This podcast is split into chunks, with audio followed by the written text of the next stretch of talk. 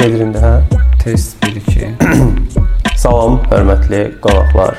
Bu gün hə. 1 2. 2 3 Ələmdarla həmişə biz görüşürdük, dərdləşirdik. Müxtəlif mövzularda bir saatlarla danışırıq. Düz Ələmdar biraz çox danışır. Mən də dedim ki, bu ya danışmağımızı video formatına keçirək, həm podkast şəklində müxtəlif mövzuları müzakirə eləyək, həm insanlarla bölüşək, həm də özümüz danışaq bir-birimizdən görək necə alınır. Adını da qoyduq Dərd Talk. Hı? Hər dəfə bir Hər mövzuda dəfə. dərdləşəcəyik. Mən Orxan Şahbaz, azdan çoxdan tanıyırsınız və Mən də Ələmdar Manafov, sosial media məsləhətçi və çalışacağıq ki, sizlərə faydalı məlumatlar ötürək. Çünki e, Orxan dediyi kimi təklikdə hər zaman danışırıq. E, artıq istədik ki, insanlara da faydalı məlumatlar ötürək. İkimizdən amma kifayətlənir. bayaq dediyim kimi də sən çox danışırsan, amma, amma yaxşı danışırsan. Keçən dəfə futbola getmişik. ə, Ələmdar deməli 90 dəqiqədə, hə Ələmdar. 90 dəqiqə. Adam yəni 90 90 dəqiqə adam necə danışa bilər? Danışmış demişkən, orada da ə, o yaşlı adamların da futbola olan baxışları var idi. Gənc nəsil gəlmişdi, sonra yaşlı insanlar da gəlmişdi. O futbolu izləmə məsələsi. Məsələn, sən əylənirsən, həyəcan keçirirsən, amma yaşlı adam ə, və sanki bizə gözləyir. sən qıraqdan bizə belə baxır ki, bunlar niyə belədir? Elə düşündük ki, ə, mövzunu da qoyaq, yaşlı və gənclərin qarşı durması. Hı? Hı. Böyük, kiçik. böyük, böyüklər və kiçiklər. Nə düşünürsən bu mövzuda? Ə, Bizdə belə bir şey var, mentalitet kimi qalıb ki, yəni böyüklərsə, yaşca böyüksə və ya yaşı çoxdursa, hər zaman haqlıdır. Deyilsən. Və amma əslində deyil. Amma bir tərəfdən deyirlər ki, hə, yaşı çoxdur da, bu neçə il yaşayıb. Amma biz onun həyat tərzinə baxmırıq da. Bu adam neçə il yaşayıb, necə yaşayıb, ə, düşünüb yaşayıb, düşünməyib yaşayıb. Dəyərli insandır, dəyərsiz insandır. Bunlara fikir vermir. Sadəcə deyir ki, hə, məsələn 50-60 yaşı varsa, bu artıq nəslimizin ağsaqqalıdır, bizim böyüyümüzdür. Hər mövzuda bizə ə, belə deyək, rəy verə bilər, tövsiyə verə bilər. Əfsuslar olsun ki, belədir, amma əslində belə deyil. Çünki ə, 50 yaşa kimi ola bilər ki, hər bir insan düşünüb, yaşayıb, hər şeyi görüb, həyatın hər bir çətinliyini görüb və artıq bəli o insan ə, bir növ ə, öz həyatı yox, öz yaxınına tövsiyə verə bilər ki, bax məndə belə bir şey baş verir. Amma deyə bilməz ki, məndə belə olub, sənə də belə olsun. Məsələn, mən ə, bu ixtisası bitirmişəm, sən də bu ixtisası bitir. Ancaq deyə bilər ki, bax belə bir ixtisası bitirmişəm, bu çətinliklərdən keçmişəm. Sən də bunu məsəl üçün öz gələcək karyeranı fikirləş ki, hansı ixtisas seçim ki, o çətinliyə məsəl üçün mən istəmirəm məsələn sahədə işləmək, istəyirəm ofisdə işləyim və yaxud istəyirəm ki, məsəl üçün də xarici şirkətdə işləyim. Artıq bizdə bir e, bir necə deyək, təcrübəni artıq məndə bir e, depolayıram da, data kimi məndə məsəl üçün bu var. O baxımdan yaşlı nəslin tövsiyə verməsi yaxşı bir haldır, amma bizdə tövsiyə kimi yox, bizdə artıq məcburi hal kimi. Yəni mən bilirəm, Hı. sən də bunu etməlisən artıq. Yəni e, Mən batmışam, sən də bat. Hə, yəni mən o mən onu harda fikir verirəm. Ətrafımızda olan gənc nəsildə belə bir şey var. Evlənir və övlad sahibi olandan sonra deyir ki, "Okay, ə, sən də evlən, evlən." Evlənir və elə bir bir növ paxıllıq hissi var ki, mən o bataqlığa düşmüşəm. Yəni işləmirəm, heç bir işim yoxdur. Tez evləndim. Evdəkilər deyirlər, evlən, uşaq olsun və dostu da ona deyəndə deyir, "Ay da nə qəşəng oldu, sən də elədin." Və bir növ paxıllıq yaranır ki, mən o bataqlıqdayım, sən də. Amma əslində onu nə edirlər? Deyirlər ki, bax məndə belə bir pro- problemlə rastlaşdım. Məsəl üçün ərzaq alanda, kommunal xərclərdir, evin puludur. Bax bu xərclər olacaq. Əgər bunları qarşılaya bilirsənsə, okey, evlənə bilərsən, övlad sahibi ola bilərsən. Bizdə hər şey belə deyim də, düşünmədən, yəni ə, Emosional biz bir növ- şəkildə, hə, duyğular. Bir, hə, bir tapşırıqlar kimidir. Yəni dünyaya gəldik, okey, məktəbi bitirək, universiteti bitirək, iş tapaq, əskərlik, evlənmək, övlad sahibi, hər şey bir tapşırıqlarladır. Yəni ki, biz bir növ tapşırıqları yerinə yetirdikdən sonra bir növ hesabatda veririk ki, bax mən bunu elədim ha, bax nəvim də var məsələn də, hə, valideynlərə. Əməlli başdan dərdliymişdim ki, deməli e, bir allegoriya var, təmsil. Hmm, Qurbağa ilə əqrəb qarşılaşırlar. Əqrəb qurbağaya deyir ki, məni deyir dərənin o birisi tərəfinə keçirə bilərsən belində. Mən üzə bilmirəm. Qurbağa da deyir ki, sən əqrəbsən, sən məni sancacaqsan. Ona görə mən bunu eləyə bilmərəm. Əqrəb də deyir ki, sadəcə məni o tərəfə keçirirsən, narahat olma, heç nə eləməyəcəm. Bunlar dərəni keçəndə qurbağa görür ki, nəsə artıq özündə belə bədəni uyuşur. Əqrəb sancıb belini. Deyir ki, bəs mən sənə demişdim axı, sən məni niyə öldürdün? İkimiz də indi suda boğulub öləcəyik. Sən üzə bilmirsən, mən də ölürəm. Əqrəb də baxır deyir ki, düzdür demişdin, amma ə, mən demişdim də mən əqrəbə mənim təbiətimdə sancmaq var. Yəni yanaşma məsələsi nədir? Yəni burada hər ikisi ölür. Eyni qarşı durma məsələsində də budur. Məsəl üçün gördüyünü kopyalayır, köçürür sənin üzərinə və hər iki halda ikiniz də batmağa doğru gedirsiniz. Və çox qəribədir ki, məsəl üçün o batıb sən də batanda deyir ki, filan şey eləsəydin daha yaxşı olardı, filan şey eləsəydin daha effektiv olardı. Çünki Azərbaycanda hamı hamının yerinə olmaq bir mədəniyyəti var da, bir kult var. Mən sənin yerində olsaydım belə eləyərdim. Mən filan şey eləyərdim və s. O qədər başqasının yerində olmağa öyrəşir ki, insanlar öz yerində olmaqları yaddan çıxarırlar. Heç düşünmür ki, hə. mən nə edim öz həyatımda, hansı bir işləri görürəm, qabağa Bir də edim. məsələnin mental qəlib tərəfi var. Tutaq ki, Azərbaycanda mental qəliblər, yəni mentalitet dediyimiz, kollektiv şuur dediyimiz şey akademik düşüncədən ön plandadır. Bir ə, akademik belə bir dəfə bir fikir paylaşmışdım. Deyirdim ki, əgər ə, oxumuş, ali təhsilli akademik biri ə, rüşvət alırsa və sonra özünü akademik deyirsə, Demək ki, onun mental qələbi ilə dünyəvi biliklər arasında bir ziddiyyət var. Mental qələbi ondan bir tık öndədir. Bax bu mövzuya da aiddir. Necə oxumasından asılı olmayaraq hadisələrə yanaşma tərzin yoxdursa, sən avtomatik mental qəlbin qurbanı olursan. Yəni biz belə görmüşük, sən də belə eləməlisən. Atalarımızdan belə hə. Belə biz o vaxtı belə eləmişdik və s. Və nəticə etibarilə də qarşıdurmalar yaranmış olur. Mənim araşdırmama və fikirlərimə görə üç əsas detal var. Mental qəlib, ailədə böyüdüyümüz ailədə olan mental sistem, iki kollektiv şuur, e, hansı ki e, Azərbaycan cəmiyyəti nə deyər, xalq nə deyər və s. yanaşması.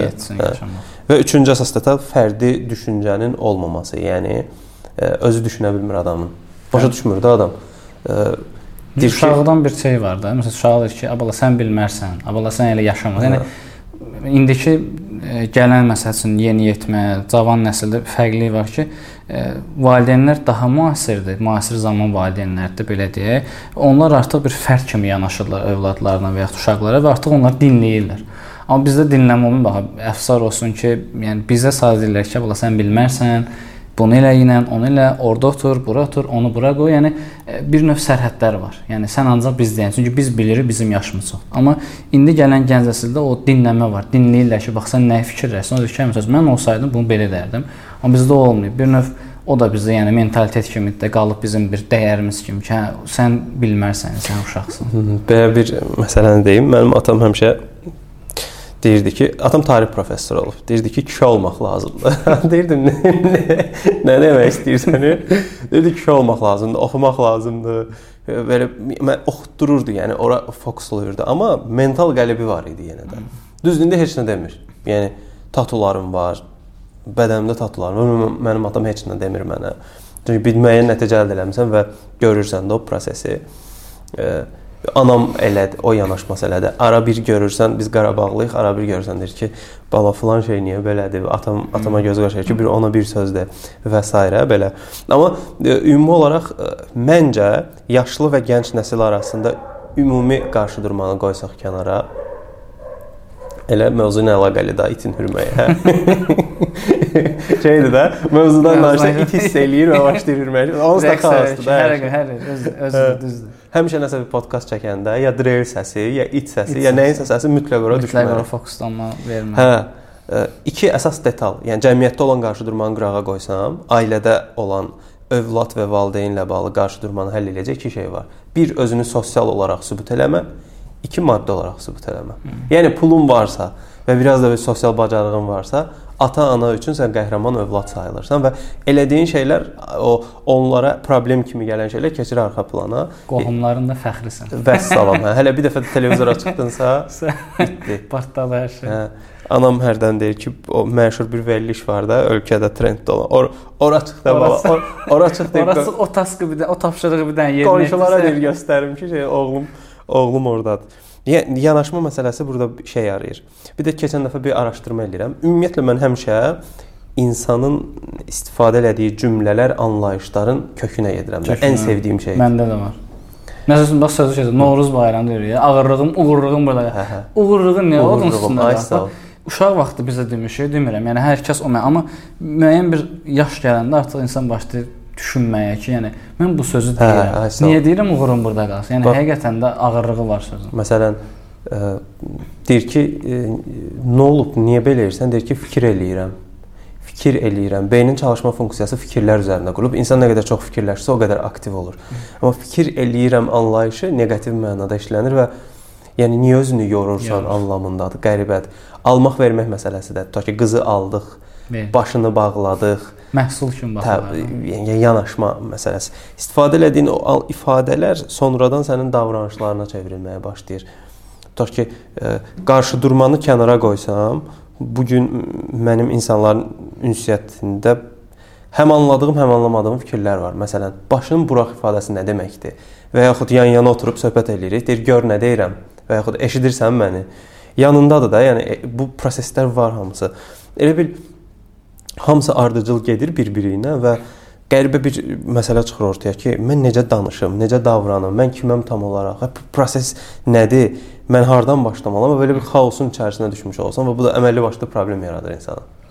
Və mən ə, həmişə fikir verirəm, bax deyirsən, düşünmə. Mən hər zaman bu baş verən şeyləri bir test eləyirəm də. Məsələn, kimsə deyir ki, adi bax məsəl üçün hıçqırıq tutanda bizdə hamı deyir ki, yox o 7 dəfə qurtum içmək falan. Deyirəm ki, bu o hamısı oturub onu biraz araşdıranda, bir 5 dəqiqə vaxt o sərfində həllini tapırsınız. Mən onu həmişə həllini tapıram. Necə? Çünki hıçqırıq nədən yaranır? Qorxudan yaranır, stressdən yaranan bir şeydir də. Yəni bunun həlli yolu bu həmin o qurtumla suyu içəndə o qanunlar da, yəni fizikadır. Yəni yavaş-yavaş vakuum yaranır, elə bir təzyiqlə hə. ötürür, çıxır gedir. Yavaş-yavaş. Yəni bunu deyəni deyir ki, hardan bilirsən? Yəni bunu bilmək üçün düzdür, məktəb vaxtı hamı oxuyur, amma bunu artıq həyatda biraz araşdırma eləmək. Burada sual varsa, bu suala cavab tapmaq lazım. Məsəl üçün ə, soyuq duş qəbulləməkdir. Soyuq duş qəbulu insanın nə qədər damarlarını oyadır. 5 ay. Hə, bizə deyilir ki, yox, abala soyuq. Çox fikir verirəm. Bəli, məsələn, havalar soyuqdur qısaqol köyündə gəzirəm. Hamı belə baxır ki, bu dəhlidir nədir? Yəni niyə qısaqol köyünə keçirsən? Orada niyə geyinirsən hə, qısaqol? Çünki hava hər yer istidir. Tün düzdür, çöldə külək ola bilər, amma payız havasıdsa, yəni soyuq deyil axı, külək var sadəcə. Amma temperatur 20 dərəcə. Heç kim ona baxmır. Amma hamı baxır ki, hə külək var, okey, kurtka, jaket geyinək və əksinə nə yaradır? Xəstəlik yaradır da. Tə. Ona görə bir növ o da məncə o da yaşlı nəsildən gəlir. Çünki biz yenə deyirəm də, biz dünyaya gələndə uşaq nihara baxır, ailəyə baxır. Ata, ana, baba, nənə. Nə yeyirlər, nə içirlər? Zibili yerə atır, hara atır, marşrutda necə minir, yol necə keçir. Hər şeyə fikir verir uşaqlar. Yəni bunu gündəlik biz proseslərə görə, amma müəyyən bir müddət gələndə 15-20 yaşında bir yeniyetmə, yeniyetmə görəndə baba nənə və yaxud ata nənə deyir ki, bu uşaq nə biz oxşamaq. Hə. Yəni uşağın oxşamağı əslində sənin o deyirlər ailənin güzgün aynasıdır da. Yəni e, belə deyək, evin güzgüsü də belə deyək. Bu nədəndir? Yəni ata-ana nəsə nəsildə necə böyüyübsə, necə görübsə uşaq onu göstərəcək. Yəni qəribədir, hə? Amma biz qəbul eləmirik. Dedik ki, yox, yox, elə şey ola bilməz. Mən belə deyirəm axı. Elə bir səndən icazəsiz səni dünyaya gətirirlər, sonra Hı. görəsən kimə oxşadı sualını verirlər. Adam qalır ki, doğrudan mən görəsən kimə oxşamışam. Deməli bir psixoloq, həm də marketoloqdur. Joe Forgas, səhv eləmirəmsə soyadı. Avstraliyada Sidneydə belə bir ə, e, araşdırma aparır. Dəftərxana ləvazimatları satan mağazadır mağazada ə, e, kassaya balaca hərbiçilər, silah ə, e, oyuncaqları, sonra balaca əl fəcinlər, nə əşyalar da belə düzür, çoxlu. Ə, və özü kənarda dayanır və kassaya yaxınlaşıb alış-veriş edən adamlar çölə çıxandan sonra hamısından bir-bir sorğu götürür. Amma bu burada bir dənə yanaşmanı eləyir. E, nə edir? Hava tutqun və solğun olan vaxtı və yağışlı olan vaxtı içəridə duyğusal neqativ musiqi səslənir. Hmm. Hava günəşli olan vaxtı əyləncəli musiqi olur.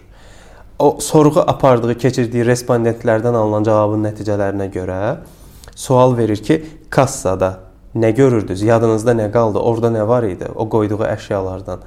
Hansı ki, neqativ gündə, neqativ mahnı səslənən adamlar onu daha çox yadında saxlayırlar. Burdan qəribə belə bir şey çıxır ortaya. Ee, insanlar xoşbəxt olmayanda daha diqqətli olurlar. E, neqativlər insanın İnsan, daha çox daha... yaddaşda, yadında qalmasına səbəb olur. Neqativlər insanın yaddaşını daha güclü eləyir. Bəli. Eyni şey marketinqdə də elədir. İnsanlar xoşbəxt olanda düşünmürlər, amma ə, məsələn sən bədbəxt onda deyirsən, görəsən mən kimə nə etmişəm, niyə belə oldum və s. Eyni detalda burada işə yarayır.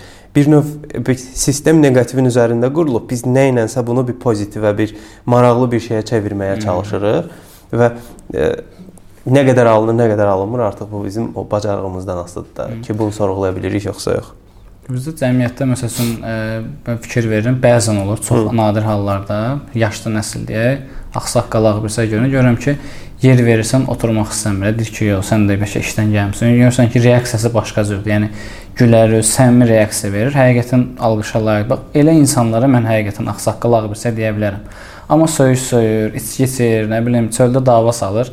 Yəni o okey, ağsaqqal deyiriksə, o bizə nə örnək verir? Yəni məsəl üçün də hər hansı bir iş görəndə, bir kitab oxuyanda orada nəsə qazanmalıyıq. Biz də burdan cəmiyyət nə qazanır? Heç nə qazanmır. Sadəcə itiririk və yaxud e, belə deyək, gələcək nəsillər üçün cəmiyyət üçün daha həmin o ağsaqqal dediyimiz şəxsə uyğun e, şəxsiyyətlər yetişmir. Mən şəxslər deyirəm, şəxsiyyət demirəm. E, şəxslər yetişir və sonra da biz başlayırıq günahlanmaq ki, bu uşaqlar harda böyüdülər. Yəni əslində bu Özün sən də bəşə görmüsən ağ bir səndə nələr var ki, söyüş söyür. Yəni qadına heç yaraşmır söyüş birincisi. Yəni bu şəxsi fikrimdir. Ağbirsəyə heç yaraşmır. Yəni ağbirsəyin marşrutda oturub söyüş söyməsi, məsəl üçün və ya metroda söyüş söyməsi biraz düz deyil və artıq gənc nəsil kimlər ki düşünür, onu götürməyəcək. Amma düşünməyən deyir ki, hə də mən necə görürəm, harda yaşayıram Azərbaycanda. Okay, bizdə cəmiyyətdə belədir. Ağsaqqal ağbirsəydi, söyüş söyürəm. Mən də sabah 50 yaşım olacaq. Söyüş söyəcəm, onu eləyəcəm və həmin ağsaqqal o ağbirsələr deyir ki, hə bizim nəvələrimiz nəsə o deyil, söyüş söyür. Çünki sənin yanındadır. O baxır ki, sən harda yemək yeyirsən, nə yeyirsən. Səsən o bizə uşaqdan nə var? Valla yaxşı yemək yeyən, qüvvətli ol. Yəni bunu öyrəşdirə bilər biz. Amma əslində insan necə yeməlidir? 30% sudur, 30% havadır, 30% qida olmalı. Amma bizə elə deyil. Bizə toylarda da və yaxud məclislərdə ancaq yemək olsun. Yaxşı Bax, yemək ye ki, güclü qüvvətli ol. Cəmiyyətin davranışında olan anlayışlar o qədər həm önəmli, həm önəmsiz bir şeydir ki, bütün ləyaqətsiz insanlar önəmli anlayışların arxasında gizlənə bilərlər. Yaşı çox olan cavanlığında və indiki yaşında bütün əclaflıqları eləyən adam rahatlıqla ağsaqqal obrazına bürünə bilər. Eyni şey ağ birçək də ola bilər. Əxlaqsız bir qadın yaşlaşandan sonra ağ birçək ola bilər. Və çox qəribədir. O anlayışın arxasında da gizlənməsi insanları heç də narahat eləmir.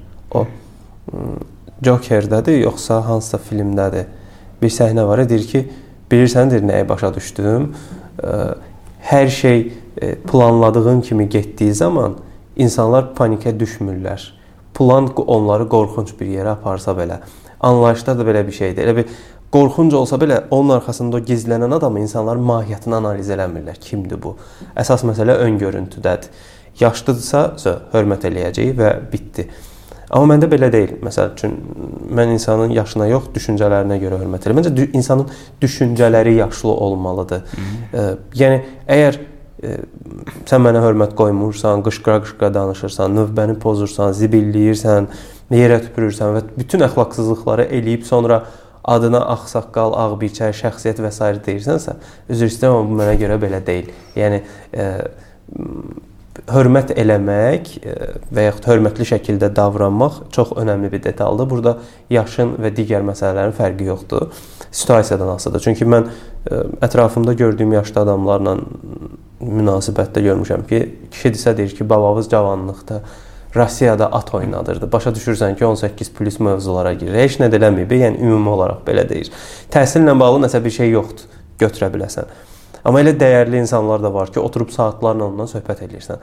Məncə də keçən dəfə danışanda deyirdim, Azərbaycanın ən böyük problemi biliksiz insanların olması deyil, biliksiz insanların az olmasıdır az və bilikli insanlar diktə eləyəcək formada deyillər bu cəmiyyətdə. Ona görə də istənilən ağsaqqal, ağ birçək və sair formada olan adamlar trend olub ön plana çıxa bilirlər və ağıllarına gələni yox, ağızlarına gələni danışan adam gəlir çıxır bir bir nömrəli bir yerə və insanlar deyir ki, hə, həqiqətən də bu odur. Məsələn, tanın tanınmış insan olurlar, şəxs olurlar, şəxsiyyət olurlar. Ona görə hər zaman ə, bunu universitetə girəndən fikirləşirəm ki, şəxsiyyət vəsiqəsi də əslində bizdə. Məncə o dəyişməlidir. Niyə? Çünki hər kəs şəxsiyyət deyil. Yəni şəxsiyyət özünə hörmətli. Siz adi zabitin şərəfi deyilən bir şey var da. Yəni ə, o yazılmamış qanunları var da zabit şərəfin. Bu şəxsiyyət vəsiqəsidir. Yəni şəxsiyyət olanlar onu əslində əldə etməlidir. Məncə ona görə dəyişməlidir. Məsəl üçün xaricdə də fərqlidir adları.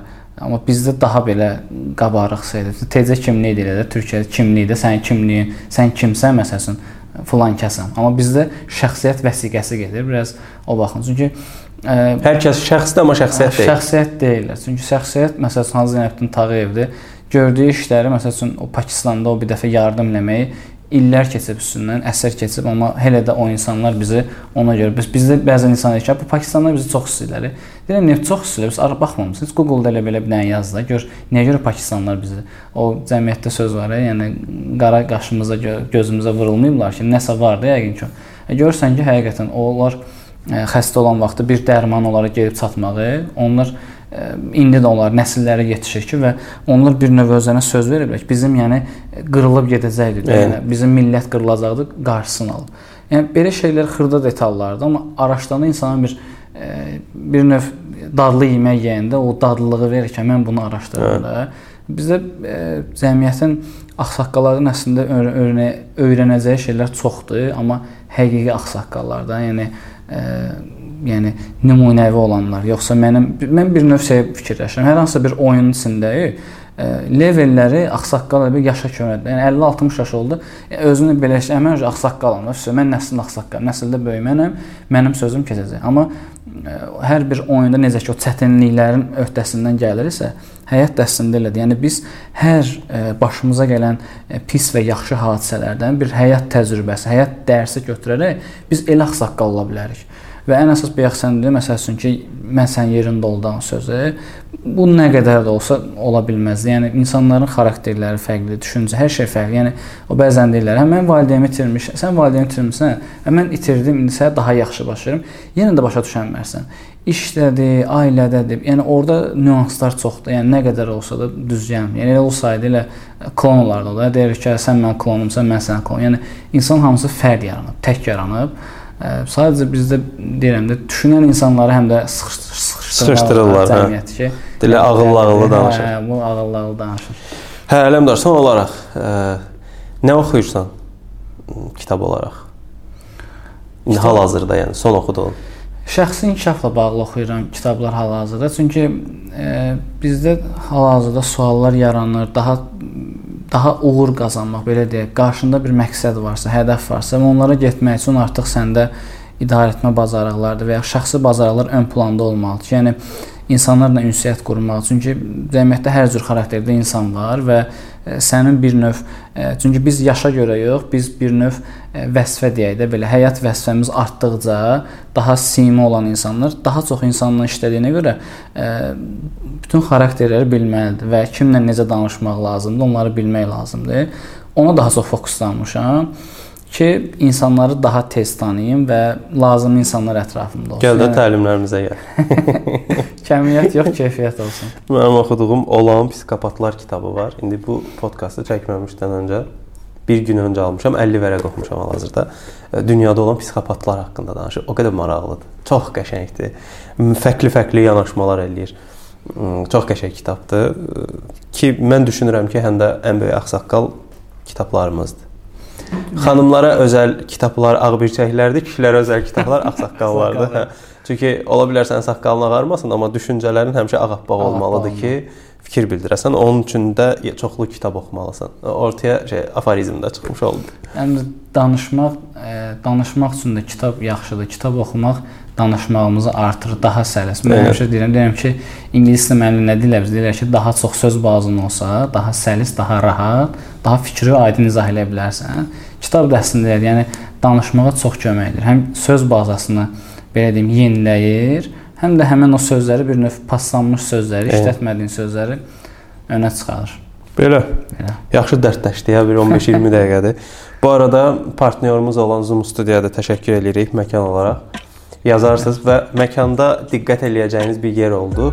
Rəydə yazarsınız ki, ora diqqət eləmisiniz yoxsa yox? Onu xüsusi qeyd eləmişəm mən. Tapan şəxsə də bizdən bir hədiyyə. Ələmdar verəcək hədiyyəni. Görüşərik. Oldu, görüşərik. Hələlik.